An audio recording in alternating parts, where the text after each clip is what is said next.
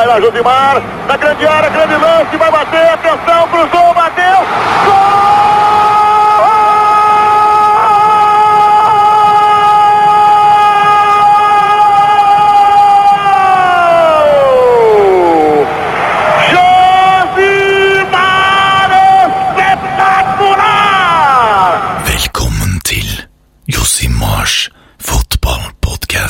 Ja, velkommen da til en ny sending av Josimar podkast. Jeg regner med at alle dere der ute nå er like oppspilt som en Edgar Davids på Nandrolon.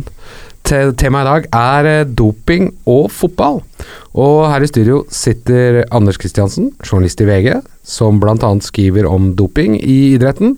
Og I tillegg har vi Eivind Bisgaard Sunde, fotballkommentator i Eurosport, eh, med Bundesliga som fagfelt. Og da hvis vi går noen par uker tilbake i tid, da Panama Papers nådde nyhetsbildet, så var det en annen sak som eh, havna da litt i skyggen. For samme dag så hadde The Sunday Times en avsløring der de med skjult kamera fikk en lege til å innrømme å ha forsynt vel 150 idrettsutøvere i Storbritannia med doping. Blant annet fotballspillere fra Chelsea, Arsenal, Leicester og Birmingham. Men fotballen er rein, roper folk tilbake. Er vi naive som tror det? Anders, vi kan begynne med deg. Du som uh, har fulgt sykkelsporten og, og, og, og kjenner litt på dette gjennom det. da. Hvilke tanker gjør du da?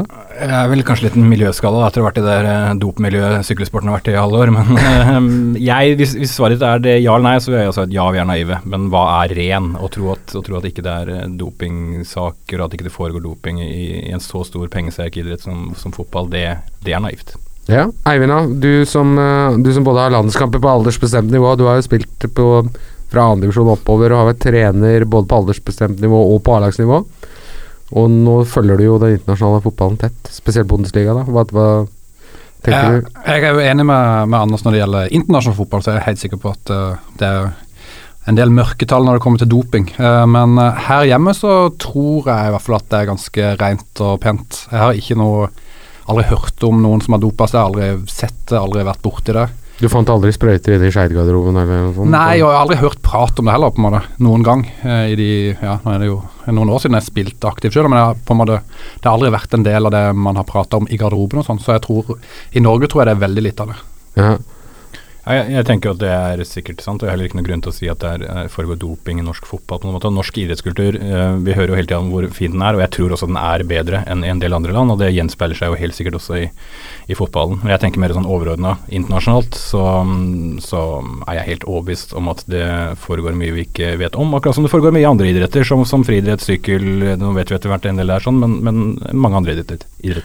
Men er det litt sånn at når, mm, når, når denne legen, Mark Bonner, uh, står, Han står ikke fram, for det var skjult mikrofon, men, uh, når han forteller om eh, doping, eh, at han har hjelpa fotballspillere med doping, eh, så reagerer jo klubbene med liksom sånn denial med en gang.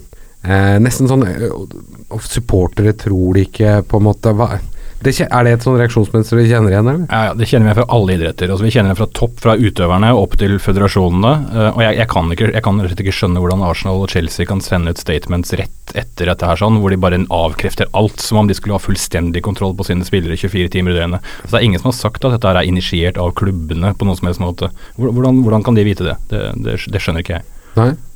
Men, det er, men det, det, dette er jo eh, standard taktikk, eller? Det må Ja. jo være det?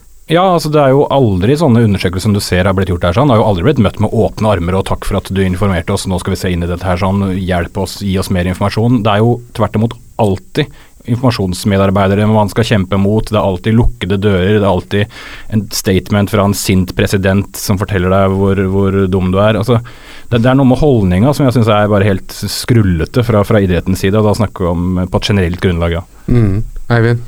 Nei, jeg, jeg tror nok eh, at det er en helt naturlig reaksjon da, å si at det her eh, skjer ikke hos oss. Eh, og du har, eh, jeg vet ikke om du har eh, I disse klubbene her så har du jo aksjepris og ditt og datt som spiller Ja, ja. inn. Så du er jo nødt til å på en måte i hvert fall være Eller nekte for ting til, til du får noe konkret på bordet. da. Men det, der er vi over i Du har aksjekurser som går opp og ned. Altså, dette er et produkt, dette er jo business. Og oppsida ved å vinne noe, da. Det er jo uh, heder og ære, i tillegg til ganske mye penger, pokaler i skapet. Gjør deg, du gjør deg til en attraktiv klubb for nye spillere osv. Altså, ligger det for mange oppsider mm, for dopingbruk i fotballen til at vi kan av, avskrive det? På lik linje med all annen toppidrett?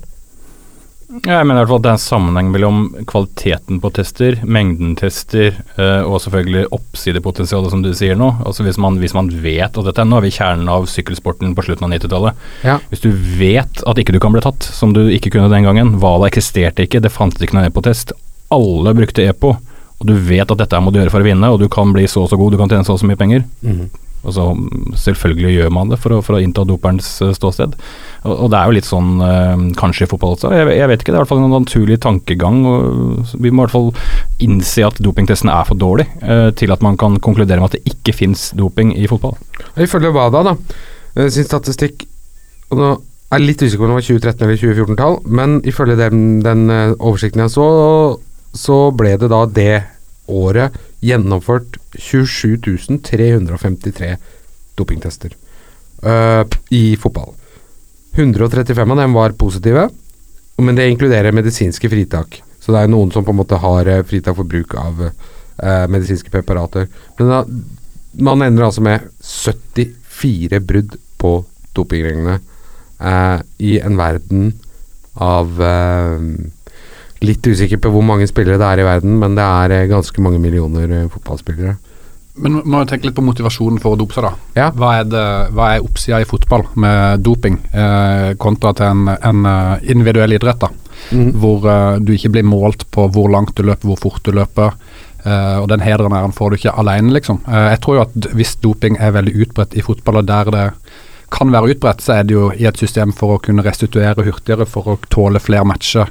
Ja. Uh, og, og akkurat på den restitusjonsbiten så tror jeg internasjonal fotball og norsk fotball har ligget utrolig langt bak da, hele tida uansett. Altså Der Ja. har det vært veldig store marginer du kan rette opp på, selv uten doping, egentlig. Altså Hvis man ser på Borussia Dortmund denne sesongen her, som har fått ny trener med Thomas Tuchel, så han forandrer hva de spiser etter mat, nei, etter kamp. Mm. Eh, sørger for at de får nok søvn, nok hvile, sånne ting. da. Og, Ja. og nå har de én skada spiller. Mens i fjor så hadde de ti, og året før så hadde de ti på denne her, eh, den delen av sesongen. da.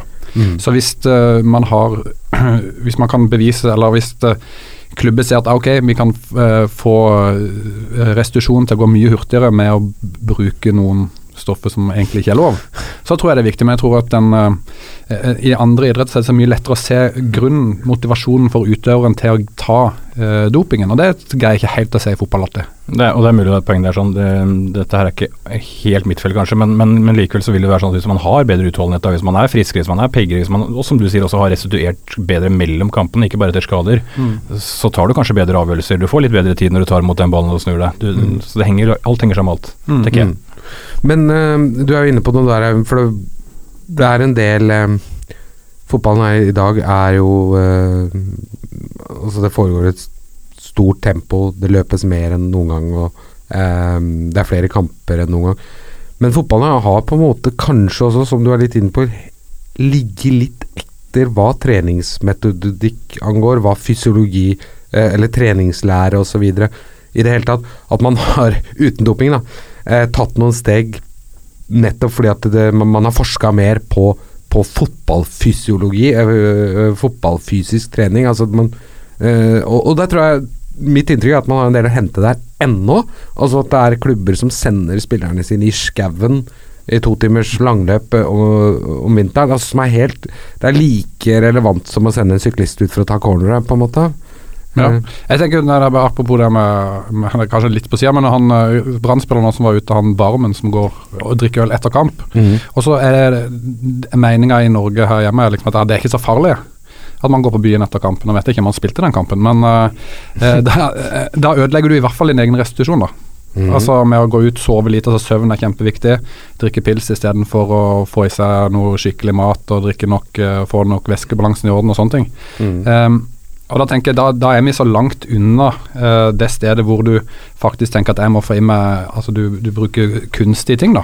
Mm. Uh, og det, det jeg sier dette her for at det, er det er noe som sier mot at man egentlig kommer, at man vil bruke doping da, som mm. fotballspiller. fordi at man, det, er ikke, det er ikke der framme. Man tenker ikke så Så man har det ikke så langt framme i hjernen at man tenker at dette er viktig. da. Men Det brukes jo ofte som et argument det vi snakker om nå, at man har fått mer fokus, man, har fått, man tenker mer på trening, man har profesjonalisert seg sjøl i forhold til hvordan man lever og jobber og sånne ting. Jeg, jeg har egentlig aldri sett på det som et motargument mot doping. altså De to kan fint gå hånd i hånd. Det skal ikke komme en argument mot at norsk skisport har drevet doping, men vi hørte alltid om dette GLI-prosjektet, som om det skulle liksom utelukke ønsket eller viljen til å dope seg. Eh, Jeg, jeg ser ikke den motsetningen. Nei. Nei, og så og tenker på dette her nå at uh, Du må gjerne arrestere meg øh, Anders, hvis jeg tar feil på noe, noe da, øh, år videre, men hvis du tenker tilbake til Tour de France i 1999, uh, da Lance på en måte var tilbake etter kreftsykdommen Lance Armstrong, vil jeg merke. Uh, David Walsh, som også Som da skrev i The Sunday Times, han, han, han skriver i boka Lanced, som går gjennom hans, Lance Armstrongs historikk, om han den turen der, den foregikk på to hastigheter. Det var eh, hastigheten til Lance, og det var de andres hastighet. Og dette var da etter en del store dopingavsløringer i sykkel, og vi hadde Lance som var kommet tilbake fra, fra kreftsykdom. Så man, man, ville anta at det, det, ville foregå et tempo i det hele tatt ville være lavere, men det var det ikke. Eh, det var motsatt. Eh, og i den dokumentaren som heter 'Stop at Nothing', så, som, som omhandler da Lance Armstrongs eh, karriere, så ser du hvordan han i en av de klatreetappene i Sestriere, har det vært, Riktig. og som er en av de tøffeste etappene som finnes. Og det er liksom ikke noe blodslitt, da. Opp bakkene der. Ingenting. Uh, han sitter og snakker i radioen med teamledelsen sin. Altså, som og han er uh, Og det har gjentatt seg uten at han har blitt tatt.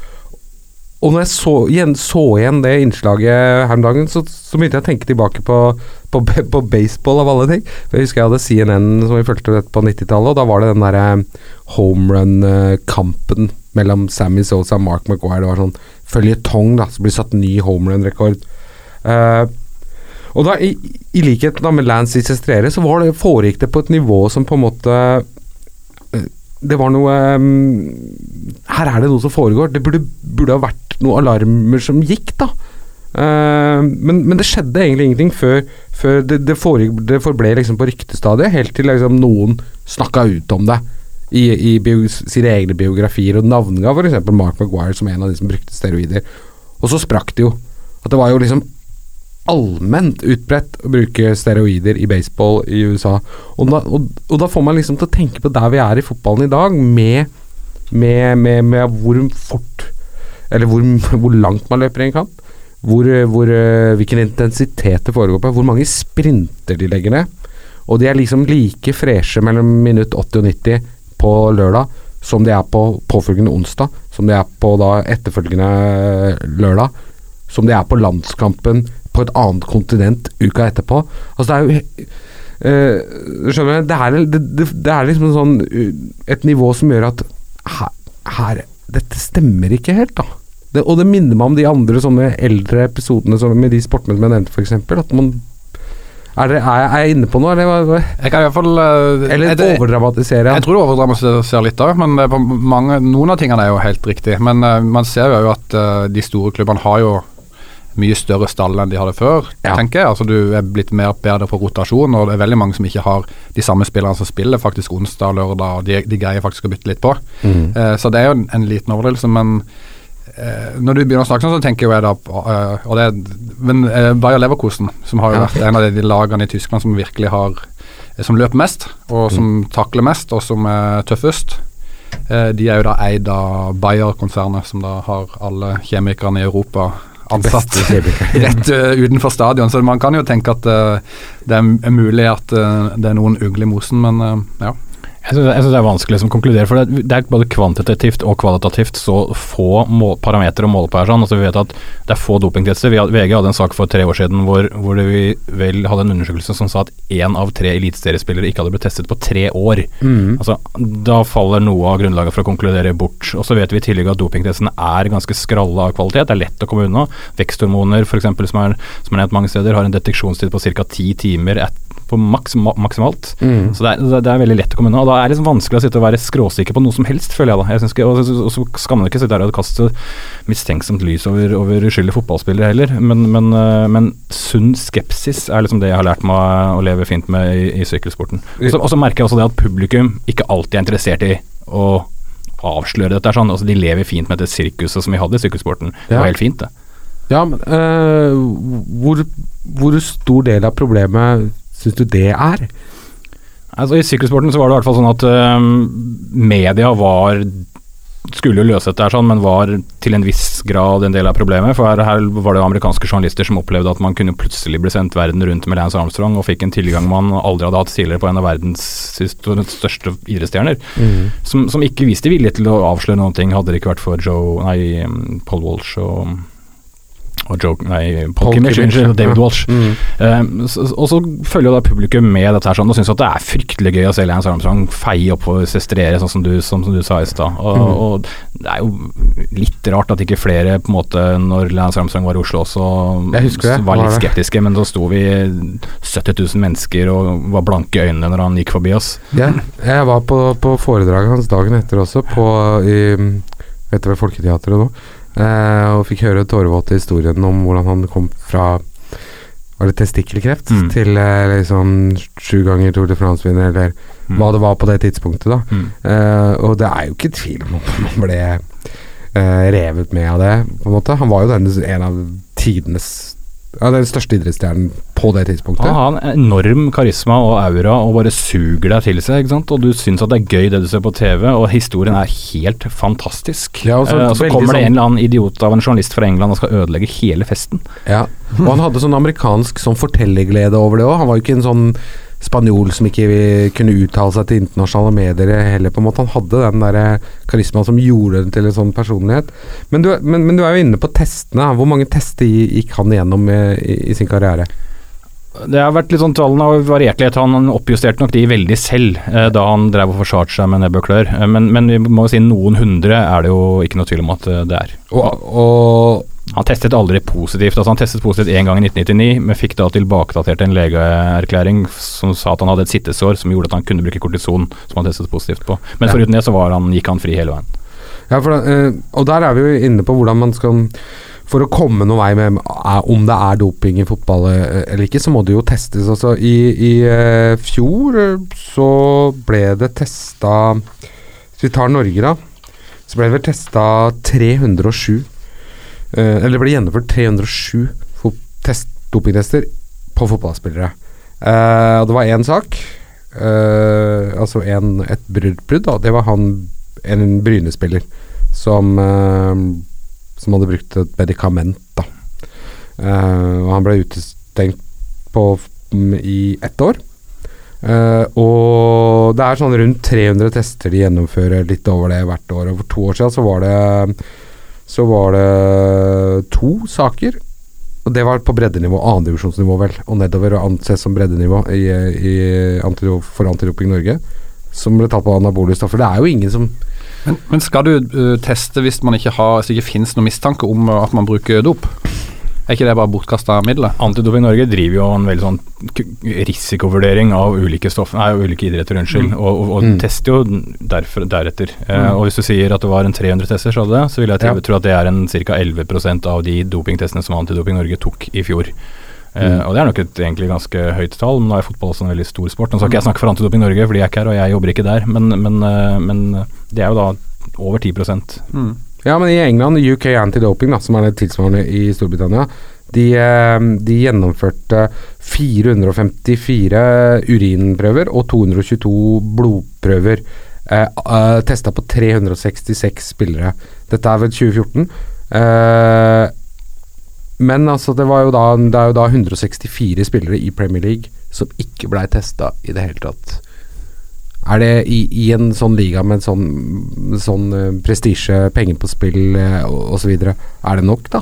Nei, det er jo Svaret gir seg nesten selv. Altså kan du, som jeg var litt inne på i stad, tenk deg den deteksjonstiden som disse stoffene har. Altså Hvis du tar EPO, så har du også, hvis du tar en mikrodose EPO, så har du noen få timer, si fem-seks timer, som du kan oppdage det. Setter du det på kvelden, du vet at det har ikke vært en dopingtest her sånn på to år. Du skal, dopingkontrollen skal stå på døra di akkurat det stedet, akkurat den dagen, i de seks timene. Det er helt forsvinnende litt. Det er fritt fram. Claes Stundokvam forteller vel det også i sin bok, om, der han, eller han forteller om utstrakt kokainmisbruk, og det uh, Han er ikke aleine om det, kan vi, kan vi anta, blant uh, spillere i Premier League, og de hadde jo full kontroll. Og det er jo til og med lov, da, utenfor konkurranse. Da må du vel bli tatt i konkurranse, for det er jo sånn sent- sentralstimulerende middel. Så hvis man blir tatt i konkurranse, som f.eks. Luca Paulini, Alexander Kristoffs lagkamerat, ble tatt under Tour de France i fjor, så ble han dømt og utestengt. Men hadde han blitt tatt mellom to sykkelritt, så hadde han da ikke blitt uh, utestengt. Sånn Nei, ok. men eh, men eh, Doping generelt, da. Med tanke på Altså hvis vi I det, det store bildet, men spesielt fotball, som, med de summene osv. Uh, man får en utestengelse, så er man tilbake igjen. Hva, hva tenker vi om Hva tenker du om det? Ja, jeg syns det er greit, da. Man uh, må jo få lov til å ta en straff, og så få lov til å fortsette der man var. Må man ikke det? Vil du ha livstidsutestengelse? Eh, nei, men det er jo en Er det ikke en form for bedrageri? Det er jo det, og det er mange som snakker om livstidsutestengelse. Jeg sliter litt med å konkludere, for å være helt ærlig. Uh, nå har du vært fire år da, eh, på tunge stoffer, førstegangsforseelse. Fire år er jo ganske lenge, i hvert fall hvis du ikke er i din spede ungdom lenger. Så, så vil det være ganske stort inngrep i karrieren din. Fortjent, riktignok. Uh, men selvfølgelig er det bedrageri. Altså Det er jo enorme penger man snakker om her. sånn, og Man tar jo penger fra andre mennesker, som både sponsorpenger og, og prispenger, som vedkommende, og, ja, som vedkommende aldri får tilbake, naturligvis. Mm. For det er jo bare naivt å tro at, at disse pengene nær sagt skifter retning etter en dopingdom. Det gjør du ikke. Nei. Så uh, hvitsnippkriminalitet, er det det det egentlig burde havne innunder? Burde min. Burde vinne. ja, men eh, i, det, det har jo skjedd. I, I USA så er det jo FBI som kommer på døra. Det er også et sånt paradoks at det er jo, hvis du ser på Operasjon Puerto i sykkelsporten, så er det politiet som slår til. Hvis du ser på Balco, så er det politiet som slår til. Hvis du ser på Fifa, så er det politiet som slår til. Hvis du ser på Montova, Padova-undersøkelsen i Italia, så er det politiet som slår til. Det er aldri idretten som klarer å, å rydde opp selv, og Fifa har jo vært, eh, ikke vært noen pådriver. Vi har jo aldri sett de i denne debatten her sånn på noen som helst måte. Så det er jo, det er jo et paradoks. Har ikke idretten noe initiativ, egentlig? Ja, Det er spørsmålet, da. Økonomisk eh, nedsiden er kanskje stor. altså mm, Kommersielt glitrende produkt som skinner, er hvorfor skal du tulle med det? Ja, men kan du dra noen paralleller til sykkelsporten, da? Egentlig på 90-tallet? Eller? Ja, altså Der går det jo veldig mye rykter og veldig mange påstander eh, om at UCI og Sykkelforbundet og Hein Bryggen og Pat McQuaid og alle på toppen var en del av det her, i hvert fall visste om det. Mm. Um, og det, jeg har selv sittet med middag med, med Tyler Hamilton i Montana og snakket om hvordan han hørte Tyler Lance Armstrong ved siden av seg snakket med den internasjonale sykkelpresidenten, som mente at dette problemet får til å gå vekk. Men jeg har også møtt denne sykkelpresidenten i Nederland, uh, Hein Verbryggen, da, som var president i 17 år, uh, som avviser alt sammen. Eh, Riktignok uten at noen helt tror han forteller den fulle og hele sannheten, men det er i hvert fall hans historie. Eh, så, så de historiene er det, er det mange av i sykkelsporten. Men det er jo en stor forskjell. da, tenker jeg at det, I sykkelsporten så burde du Du burde ha sett det med Lance Mm. i Tour de France. Alle sier jo det etterpå, vi burde ha sett det. Mm. Eh, mens i fotballen, når du sitter og kikker på i dag, da, så syns ikke jeg du kan si at noen skiller seg ut som dopere, eller noen lag er sånn og sånn, da. Eh, som er ganske annerledes enn det, uten at jeg følte så utrolig med på sykkelsporten. Så er det ikke så entydig å si å ja, her er det noen muffins, liksom. Jeg er veldig enig, og jeg syns det er vanskelig å balansere den mistroen jeg har til idrett generelt, eh, med den Man skal jo ha respekt og yte rettferdighet overfor fotballspillere også, så man må liksom ikke glemme det aspektet. Og Det er en balansegang der sånn som jeg syns er litt vanskelig. da. Mm. Eh, men, men samtidig så med, eh, Det blir litt sånn som kampfiksing, det da. Altså, det er jo skikkelig vanskelig å se om en kamp er fiksa. Altså, det er jo eh, Altså, fordi at spillet er sånn lagt opp at sjølmål skjer hele tida. Dårlige valg skjer hele tida. Annethvert valg en fotballspiller tar, er jo dårlig, egentlig. Ikke sant? Så om det er litt dårligere det, Altså, det gjør at det blir et sånn eh, De mistankene bare forsvinner litt i den tåka der. Men så kommer det jo sånne utsagn, sånn som Arsène Wenger hadde i, i november i fjor, hvor han liksom Han navngir jo ingen og sånn, men han kommer jo med at har, vi har spilt mot lag som har hatt spillere som har dopa seg. Ja, jeg, og Det syns jeg er interessant, for jeg tenker at når Arsen Wenger sier sånt altså, Jeg vet jo i hvert fall hvordan journalistbransjen, så prates det mye. Mm. Uh, I fotballgarderoben så prates det mye, og det er veldig mye som ikke kommer ut i alle bransjer. Og jeg tenker at Arsene Wenger har antageligvis hørt et eller annet, vet et eller annet, har sett et eller annet, kjenner folk. Og Det skulle vært veldig interessant å vite hva, hva, han, egentlig, hva han egentlig mener der, men det er klart at det er jo ikke mm, Det er jo ikke fordelaktig for han antageligvis å fortelle, fortelle, hele sannheten før han skriver en bok om 15-20 år. Nei, men altså men, Nei, men altså det, for det, dukker liksom opp Hvis vi går litt tilbake Vi hadde jo en sak i Josmar som heter Dopingspøkelse, som går opp den historikken liksom med doping i fotballen fra anklagene om v i, under VM i Sveits i 1954, hvordan de tyske Men det er vel uh, oppe og vedtatt at de var dopa på amfetamin, Ja, tror jeg. Uh, er det oppe og vedtatt? Ja, det, det tror jeg, for det var en sånn kom en sånn undersøkelse fra et uh, tysk universitet hvor de på en måte beviste at de hadde dopa seg, da. Mm. Det tyske laget som vant. Så har du saker fra, fra Nederland på 70-tallet, hvor eh, Jonny Repp sier nei, men alle drev jo med det. Eller så har du nå saker som har kommet fram nå med, med ja, Tony Schumacher, den tyske, tidligere tyske landslagskeeperen, eh, mente jo alle var dopa, eller noe i den retning. Og man har jo saker nå som har kommet fram om Stuttgart og Freiburg, Ja. eh, som skal ha drevet med doping på 70- og 80-tallet. Og, og så Men eh, hvor da alle involverte benekter alt, og sier Ja. at de ikke skjønner noe av, av det greiene der, da. De benekter alt. I Ottmar Hutzfeldt, som, som er øh, trener tidligere i Borussia Dortmund og Bayern München, han, øh, han spilte jo på Stortkart i, i 75 til 78. Han sa jo det at liksom uh, uh, han, kan ikke, han kan ikke skjønne at noen av lagkameratene hans drev med det. Eh, og, og treneren, da, Hans Jørgen Sundemann, han sa jo da at ah, det er absurd. Så det, det gjentar seg liksom hele tiden, men det er jo nok, tenker jeg. Det er nok sånne historier nå. Er det ikke det? At, at, Juventus. Ja, jo ikke minst Juventus. Hvor, hvor var det det politiet konkluderte med at det var utstyrt som et sykehus? Almeida Parma hadde vel noen historier der også. Jeg, jeg er helt enig, det er nok sånne historier, men så er det da det med at det, det er tilbake til det første spørsmålet ditt, er vi naive? Jeg, jeg, svaret på det er igjen ja, men det er jo doping i fotball også. Det er, så er det omfanget vi diskuterer egentlig. Hvor Ja. stort er problemet? Det er jo kjernespørsmålet der. Ja, Hvor stort tror vi det er, da? Vær så god. Nei, jeg tror ikke det er så veldig stort, uh, det, faktisk. Jeg tror det Fotball handler om uh, så mye mer enn bare den fysiske delen av spillet. At uh, doping er ikke nødvendigvis det som, som gjør den store forskjellen. Da. Så Derfor er det ikke så stort. Jeg snakka med Dick Pound i Danmark eh, i høst igjen, og han sier det han har sagt mange ganger tidligere, at dopingtester er en IQ-test, det er ikke en dopingtest. Du skal være passe dum hvis du blir tatt. Uh, kombinert med det vi vet om penger, oppside, berømthet og kvinner, så, så vet vi at uh, insentivet er i hvert fall der. Og når dopingtesten er såpass dårlig, så sier jeg igjen at det er vanskelig å vite. Jeg syns det er fryktelig vanskelig å konkludere i den ene eller andre retningen.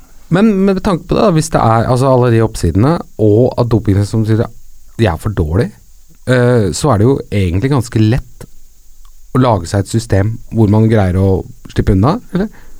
Ja, Hvis du ser på statistikken, så, så tyder det i hvert fall på det, hvis vi skal tro at det er en del som er dopa. Det er, eh, det er jo ikke mange dopingtester Nei, unnskyld, mange dopingsaker i fotball.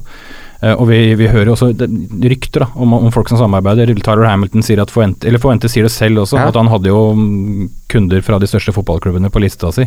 Mm. Uh, andre leger sier det samme. Vår venn i England som du innleda med å snakke om, eh, sier det samme. Ja. Um, Mm. Men øh, frykter vi, eller forventer vi Forventer dere at, at, at det kommer altså et vell av saker framover, eller? Jeg gjør vel egentlig ikke det. Jeg skulle gjerne hatt uh, Operasjon Puerto, som nå er inne i en sånn avsluttende fase om hvorvidt disse blodbagene skal, uh, skal åpnes eller ikke. Der er det en sånn endelig avgjørelse som faller nå snart. Vi snakka egentlig om april som utgangspunkt, tror jeg. Hvor en dommer i Spania da skal avgjøre det. Ja. Hvis, de, hvis de åpnes, så vil vi jo i hvert fall få et svar på en sånn verkebyll som har ligget i sykkelsporten, men også i en del andre idretter som tennis og kanskje fotball. Uh, da vil vi få et endelig svar på det, og det syns jeg var utrolig interessant. Ja. uh, og når man tenker på den eh, skandalen i Russland hvor han hva Var det Mutko han heter? Han som Mm. var sportsminister, som var på eiersida av uh, Zenit St. St. Petersburg. Altså Så har det forventes, som du sa, i, i Spania, som, som har nevnt sjøl med, med fotballspillere. Altså når man Det er for mange, da. Det er for mange sånne krysningspunkter. Hvis du tar, Mut hvis du tar Mutko også, da, så er Ja. han også ansvarlig for fotball-VM i Russland og sitter i eksekutivkomiteen til Fifa, så han er jo sikkert en redelig mann. Men skal vi ta og avslutte debatten med det? Siden Mutko er en redelig mann. Det vil. Ehm, tusen takk til eh, Anders Kristiansen i VG og Eivind Bisgaard Sunde i Eurosport Norge. Husk for øvrig å gå inn på iTunes og, og rate podkasten. Det liker vi, vet du. Og da rate det så høyt som mulig. og ikke glem, eh, neste uke er eh, Frode Hvis alt går etter planen, så er eh, Frode Lia og eh, Tor Christian Karlsen her igjen. Med andre utgave av Chivadze.